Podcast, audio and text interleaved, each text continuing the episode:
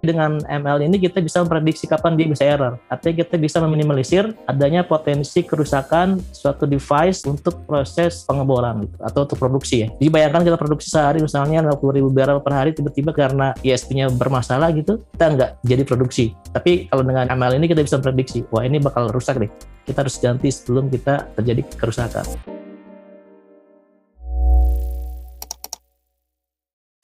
Halo, ketemu lagi di Data Talks. Channel podcast pertama di Indonesia yang membahas tentang data science. Kembali lagi bersama saya Don dari KBR Prime dan ada Lita dari Algoritma yang Halo. akan menemani kamu hari ini. Lita apa kabar?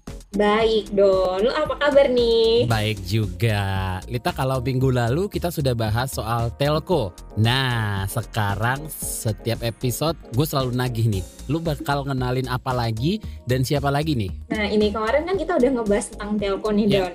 Nah, sekarang ini sebenarnya juga dari industri yang nggak jauh-jauh dari kita gitu, Hmm. yaitu industri minyak dan gas.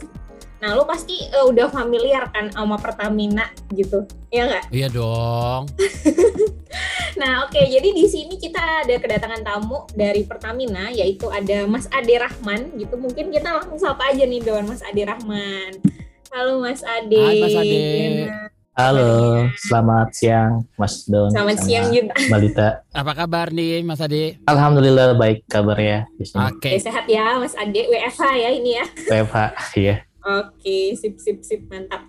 Kalau gue lihat sih dari profil ini eh, Mas Ade ini ada Ade Rahman yang merupakan eh, Petrotechnical Data Management dari Pertamina International EP. EP, EP, gimana? Iya, EP. EP Sama ya? sih. EP. Iya, Oke. EP.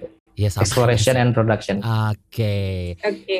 Dan dengar-dengar eh, Mas Ade ini juga alumni dari Algoritma Academy.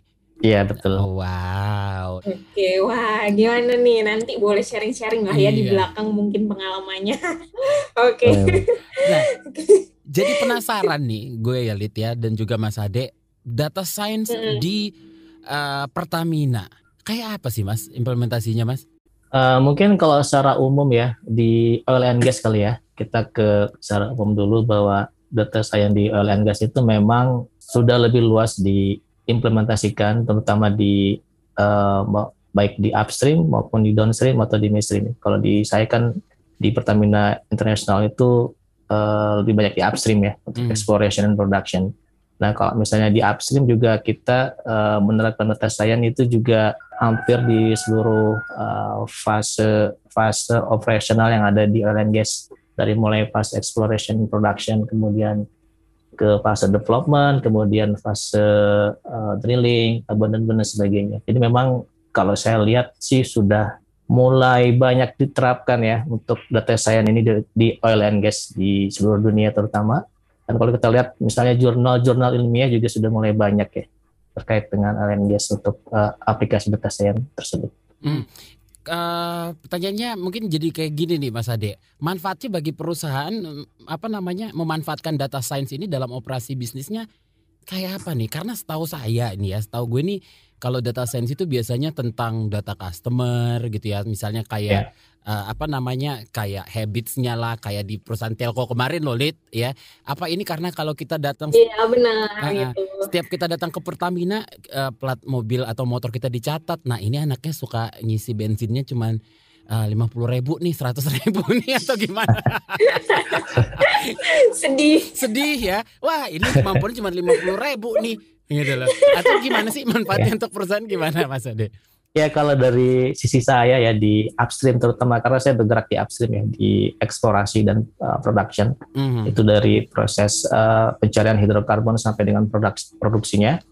Itu memang uh, penerapannya kalau uh, dari sisi kita memang banyak menguntungkan terutama dari sisi efisiensi waktu kemudian untuk uh, membuat keputusan yang lebih bagus ya misalnya kita mau- melakukan proses interpretasi yang ada di uh, subsurface di area di bawah tanah gitu ya Hmm. uh, mungkin kalau kita menggunakan uh, konvensional uh, apa namanya uh, metode itu bisa bisa memakan waktu mungkin cukup lama ya mungkin tiga bulan atau lebih cuma dengan menggunakan machine learning dari case yang kita punya di Pertamina itu yang asalnya kita bisa propose well uh, sekitar tiga bulan itu kita bisa dua minggu udah bisa propose well. Seperti itu. Jadi memang secara waktu lebih efisien, kemudian secara apa namanya uh, akurasi juga lebih bagus mungkin ya, karena memang uh, di oil and gas itu memang memproduksi lebih banyak data, uh, apa namanya banyak banget data gitu, sampai terabyte terabyte mungkin petabyte ya jadi cocok lah kalau digunakan untuk di data science seperti itu. Hmm, berarti bukan lebih ke untuk ke customer gitu ya Mas Ade ya? Ya bisa juga ke customer, cuma itu mungkin di bagian yang downstreamnya. Ah. Ya jadi kita kan ada banyak ya di LNS itu ya. Betul betul ada betul. bagian betul. upstream, ada bagian transportnya yang midstream, kayak uh -huh. pipeline, kemudian ada bagian yang untuk refinery dan ke customer di downstream. Gitu. Nah, kalau saya mungkin lebih bisa menjelaskannya di sisi upstream ya, di sisi proses eksplorasi dan production mungkin. Pengetahuan baru lagi nih, Lid. Oh. Iya. Nah, aku mungkin uh, mau nanya nih Mas Ade sekalian ya gitu. Uh, waktu itu aku kan juga pernah dari algoritma itu uh, in-house training dari Pertamina juga nih gitu. Nah, aku lebih kepo sih sebenarnya real data yang dipakai di Pertamina itu kayak gimana sih gitu real datanya karena selama ini kan kita pasti pakainya selalu dummy data gitu. Yeah. Nah, kalau real datanya itu kayak gimana nih Mas Adi? Kalau real datanya memang uh, di and gas itu cukup banyak dan besar ya. Misalnya hmm. untuk data-data di exploration kita punya data seismik, data hmm. uh, apa namanya berupa segwa ya. Jadi itu kayak seperti data untuk memperlihatkan image di bawah tanah. Nah, itu cukup apa cukup besar sekali. Jadi kalau kita melakukan proses akuisisi data ya untuk melihat keadaan subsurface kita melakukan namanya survei seismik itu data yang salah satu dipakai untuk digunakan analisa di machine learning juga bisa digunakan ya. Banyak digunakan itu kemudian juga ada data untuk data sumur atau data pengeboran ya. Itu hmm. banyak. Data drilling itu juga banyak juga karena di situ ada namanya pada saat melakukan drilling kita juga melakukan uh, logging. Jadi pengambilan data. Ada sensor-sensornya juga. Dan itu juga cukup masif datanya cukup besar. Juga ada data-data untuk measurement juga. Nah makanya kalau menurut saya bilang memang untuk data SR ini memang uh, sangat uh, bisa di-apply di oil and gas terutama di upstream seperti itu. Oke, okay. semakin banyak episodenya semakin berat nih tantangan buat gue nih. Iya, bener gitu ya.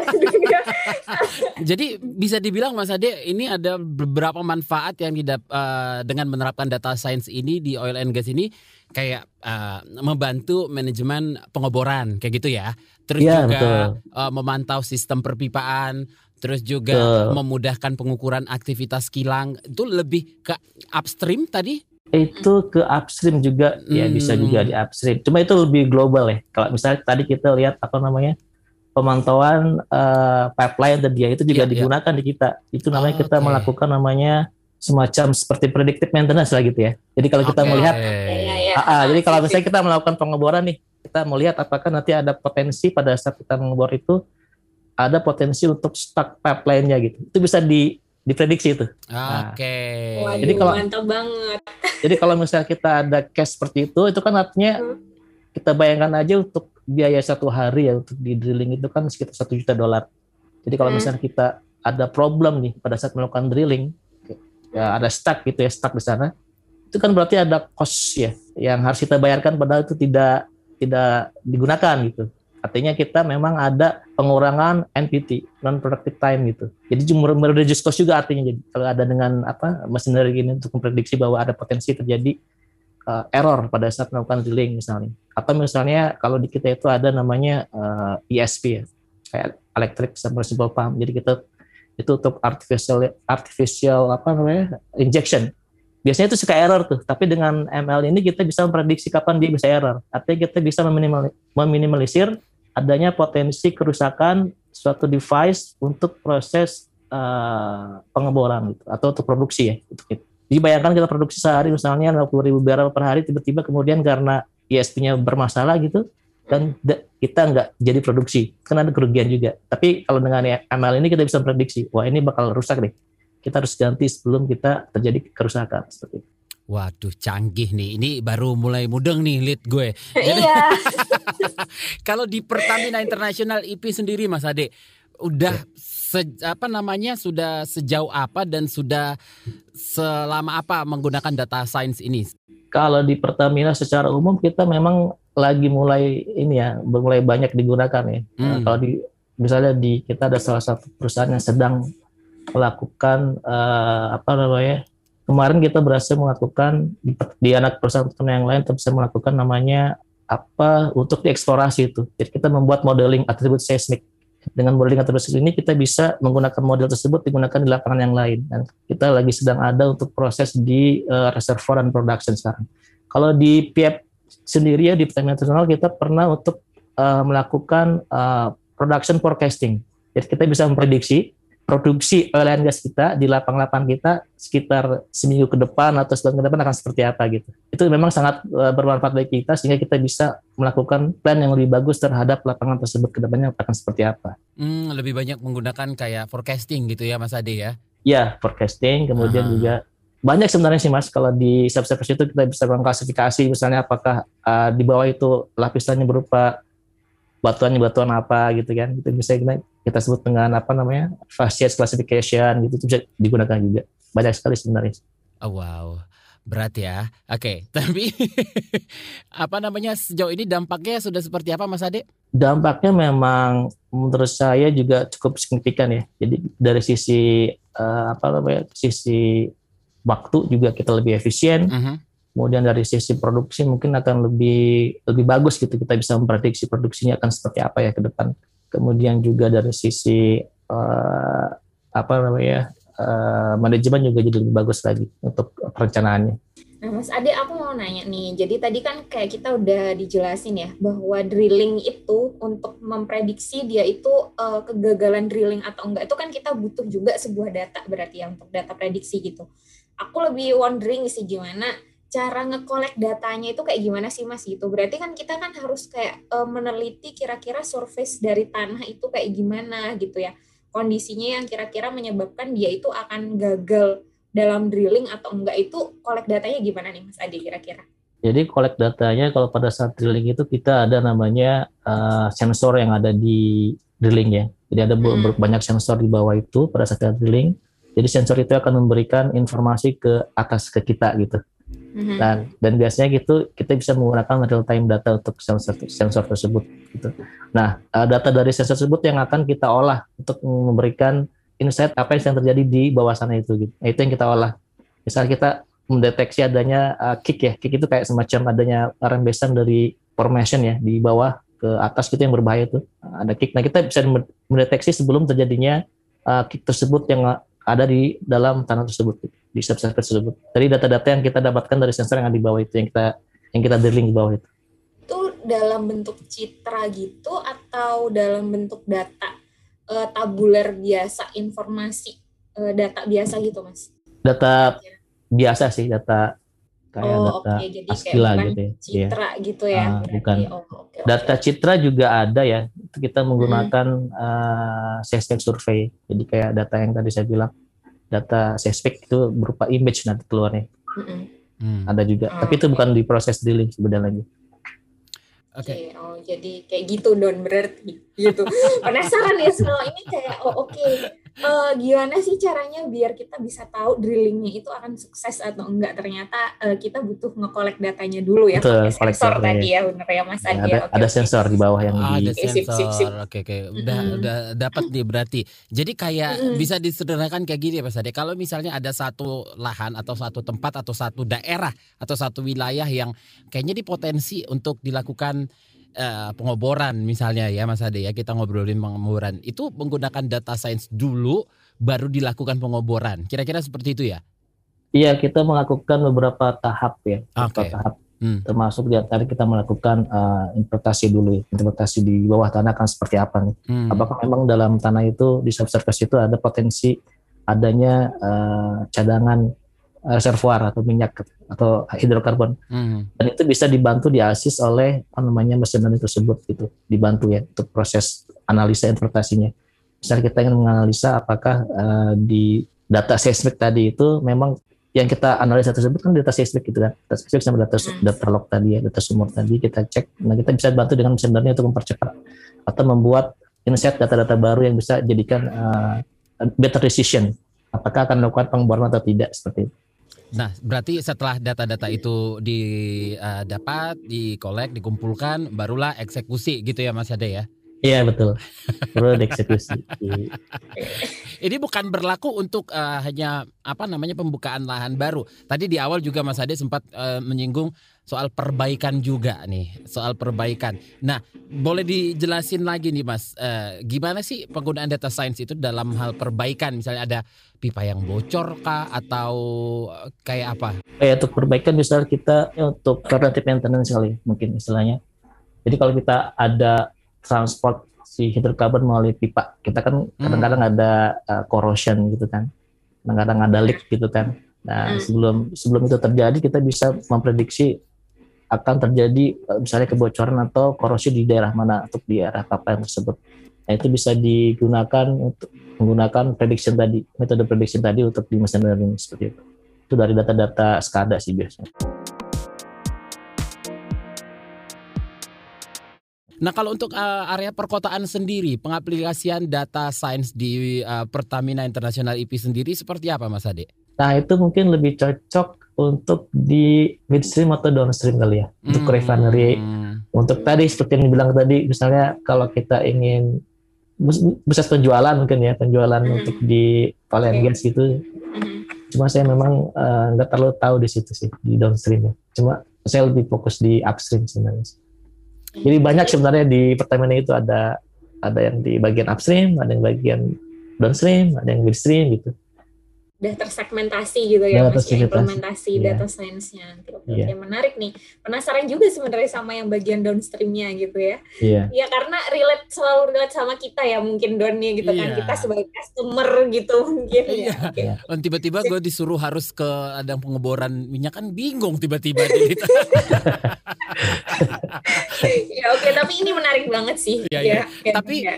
Mas Ade uh, mungkin ya ini pertanyaan dari yang baru paham ternyata data science ini juga digunakan untuk hal-hal seperti ini. Kendala yang sering dihadapi di Mas Ade kalau misalnya dalam hal uh, let's say ya kita ngobrolin uh, untuk pembukaan lahan baru misalnya. Apa sih Mas? Uh, kendala ya. Kalau kendala mungkin um, kadang-kadang data kita punya itu tidak terlalu lengkap. Nah, hmm. jadi kendala juga ya. Kadang tidak lengkap dan kadang-kadang ketidaklengkapan itu justru jadi opportunity juga nih buat misalnya di data science juga. Misalnya kita punya data seismik, tiba-tiba ada bagian tertentu yang hilang, itu bisa di uh, generate ulang, bisa di generate, bisa diprediksi akan seperti apa. Atau misalnya nah, kita punya okay. data data apa ya, data sumur ya, data log logging tadi, ada beberapa data log itu yang kemudian kita tidak punya datanya, itu ternyata bisa di generate, bisa dibuat berdasarkan data-data log yang lain menggunakan machine learning gitu. Tadinya challenge, tapi bisa jadi opportunity ternyata di situ. Oh wow, itu orang-orang oh, gitu hebat ya. tuh yang buat gitu dari eh, dari apa namanya hambatan, eh ternyata dari opportunity ya kan itu orang-orang keren iya, bisa kayak gitu. tapi itu keren dari, juga itu dari segi data nih Mas Ade. Kalau dari SDM-nya sendiri gimana di Mas Ade? Oh iya, kalau dari hmm. sisi SDM memang untuk di oil and gas juga masih jarang ya untuk yang spesialis di data science kan gitu. Hmm. Mungkin karena domain expertise-nya agak beda gitu ya. Kalau kita kan di absen lebih banyak background-nya di geophysics, geologis, sama petroleum engineering ya. Nah, tapi kalau saya lihat sih ke depan itu, kalau saya lihat di beberapa kampus memang sudah memasukkan kurikulum data science untuk di, di geoscience tersebut. Itu hmm. juga cukup bagus dan ini juga jadi potensi nih bagi kita semua supaya teman-teman juga pada tertarik semua sebenarnya sih ya, di JSN ini untuk belajar data science. Karena memang uh, apa namanya punya banyak keuntungan bagi teman-teman ketika dia bekerja di domain expertise di geoscience juga punya keahlian di data science itu sangat membantu sekali. Hmm. Sangat-sangat membantu sekali. Oke. Okay. Kalau untuk uh, oil and gas sendiri Mas Ade, penggunaan data science seperti ini sudah dimulai sejak kapan? Untuk uh, artificial intelligence itu sebenarnya udah lama digunakan sudah lama, ya. guys. Hmm. Cuma namanya agak-agak beda gitu, hmm. agak-agak beda ya. Mungkin kalau dulu ada yang namanya uh, apa namanya logic atau dan sebagainya. Itu sebenarnya di aplikasi-aplikasi kita, kita pun sudah ada. Cuma namanya mungkin enggak bukan data bukan mesin learning dan sebagainya, bukan data science dan sebagainya gitu ya. Nah mungkin baru-baru uh, apa namanya uh, ngehit sekarang sekarang ini aja nih kemudian data science di oil and gas dan memang secara uh, penerapan juga sudah mulai banyak diterapkan sekarang di gas. Berarti kalau dari employee dari Pertamina sendiri ada nggak sih Mas emang yang dia itu sasarannya uh, carinya background data science itu buat bantu ngolah-ngolah ya kayak prediksi yang tadi untuk uh, forecasting kayak gitu atau gimana nih Mas? Dari segi background. Dari ya? sisi background sih seharusnya ada. Jadi kita memang ada hmm. beberapa yang di sekolah kan atau kan kalau nggak salah yang untuk di data science tersebut ya termasuk memang saya juga ya. Kemudian ada beberapa teman yang lain juga dan memang uh, ada kebijakan yang untuk di secara manajemen untuk menggunakan apa namanya bukan menggunakan ada transformasi digital, digital ya. jadi kayak hmm. oil and gas digital 4.0 gitu. Nah itu memang sudah secara kebijakan di perusahaan kita memang sudah digaungkan ya dan disupport oleh manajemen.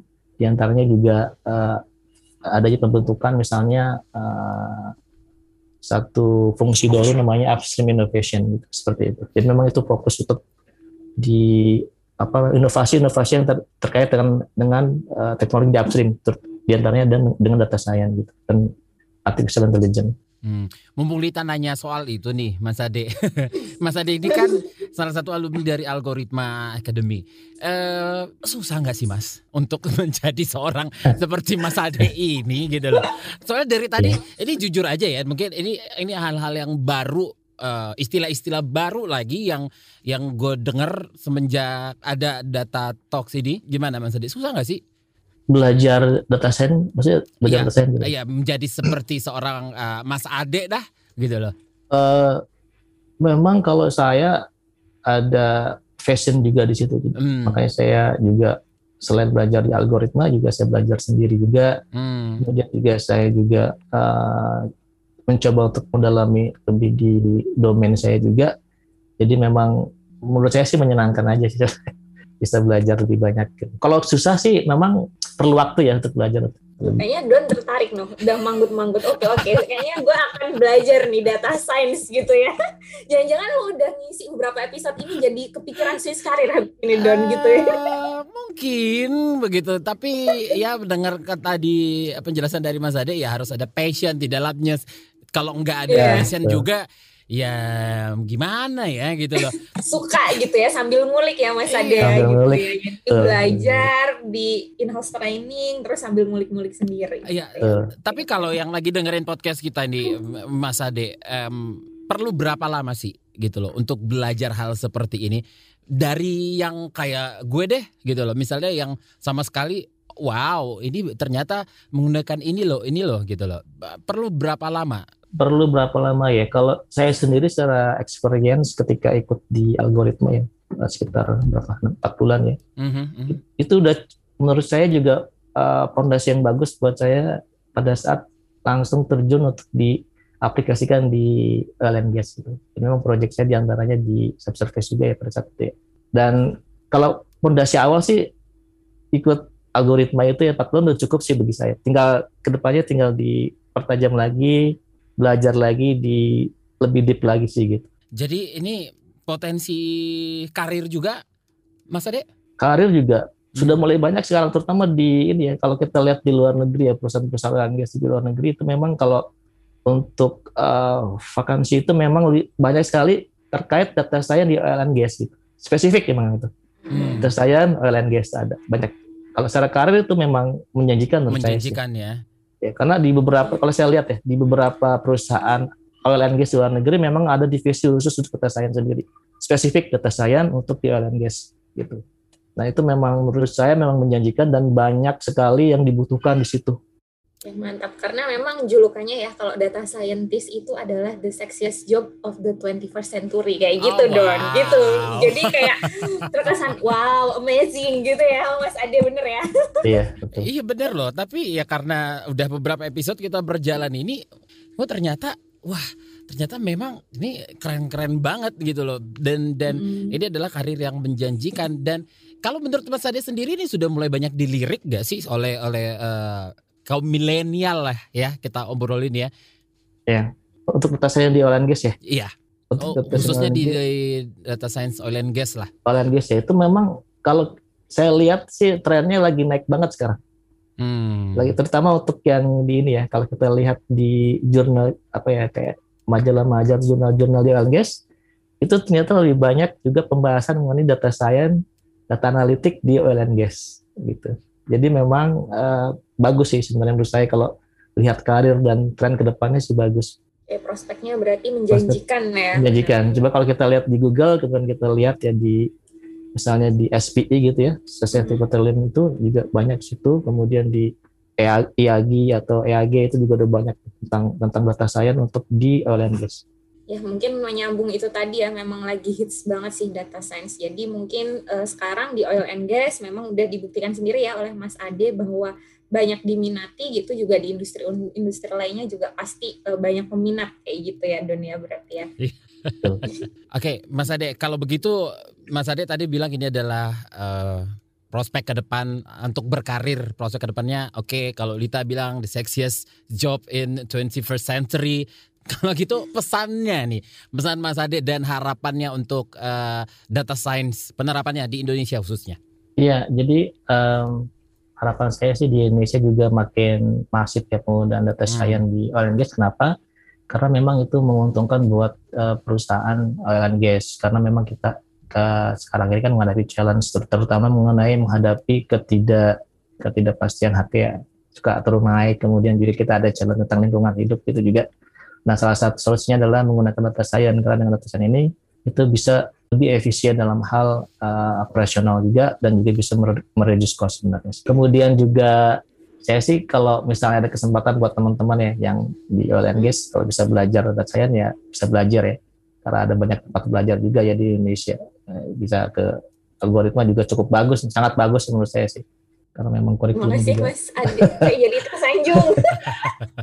Struktur ya kurikulum Sebagai salah satu ya. instructor di algoritma, saya merasa tersanjung.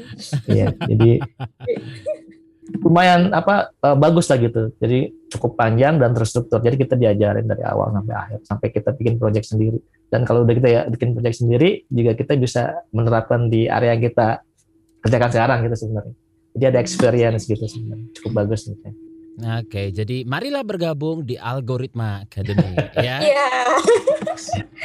Silakan bergabung di Algoritma Data Science School gitu Oke. ya. Kenapa harus bergabung nih, Liat? Ya, karena di sini nih ya, kalau misalkan sekarang kan tadi udah dijelasin juga nih sama Mas Ade bahwa uh, seorang data scientist itu nantinya itu prospeknya akan prospek able banget gitu kan hmm. ke depannya gitu. Nah, jadi pasti uh, banyak nih para milenial yang kayak berlomba-lomba gitu kan uh, pengen berkarir nih pindah karir di data scientist. Tapi kendalanya biasanya mereka adalah mikir wah saya nggak ada background sama sekali nih kayak gitu. Kebingungan nih gimana caranya?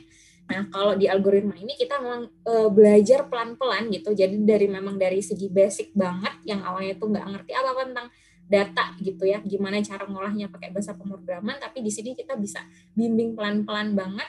Terus kemudian kita juga uh, ketika udah masuk ke prediktif ya tadi machine learning yang dibahas sama Mas Ade sekilas.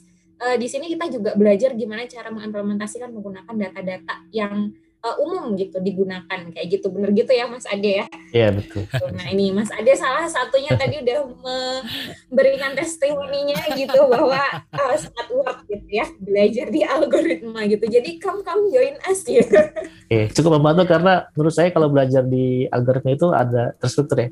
Jadi kalau kita belajar hmm. sendiri kadang-kadang kita agak kesusahan mulai dari mana gitu kan. Nah, mm, benar. Karena kadang-kadang suka uh, patah semangat tengah jalan gitu kan.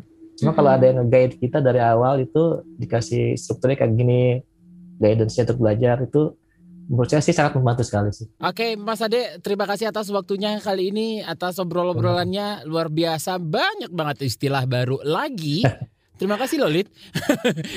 Iya benar. Tambahan pengetahuannya. Dan jangan lupa kita masih akan ada episode lainnya membahas yang satu hal yang baru lagi buat gue ya, buat lu juga semua yang juga baru mendengarkan uh, Data Talks ini ya. Thank you banget untuk Mas Ade atas waktunya juga ya. Tadi kita udah sharing beberapa ilmu baru lagi itu kemarin dari industri-industri yang lain, sekarang kita dari oil and gas gitu ya ternyata tadi uh, banyak juga manfaatnya ya salah satunya untuk proses prediksi dan forecasting kayak gitu nah oke okay. thank you banget untuk Mas Ade oke okay, sampai jumpa di episode berikutnya bye bye, bye, -bye.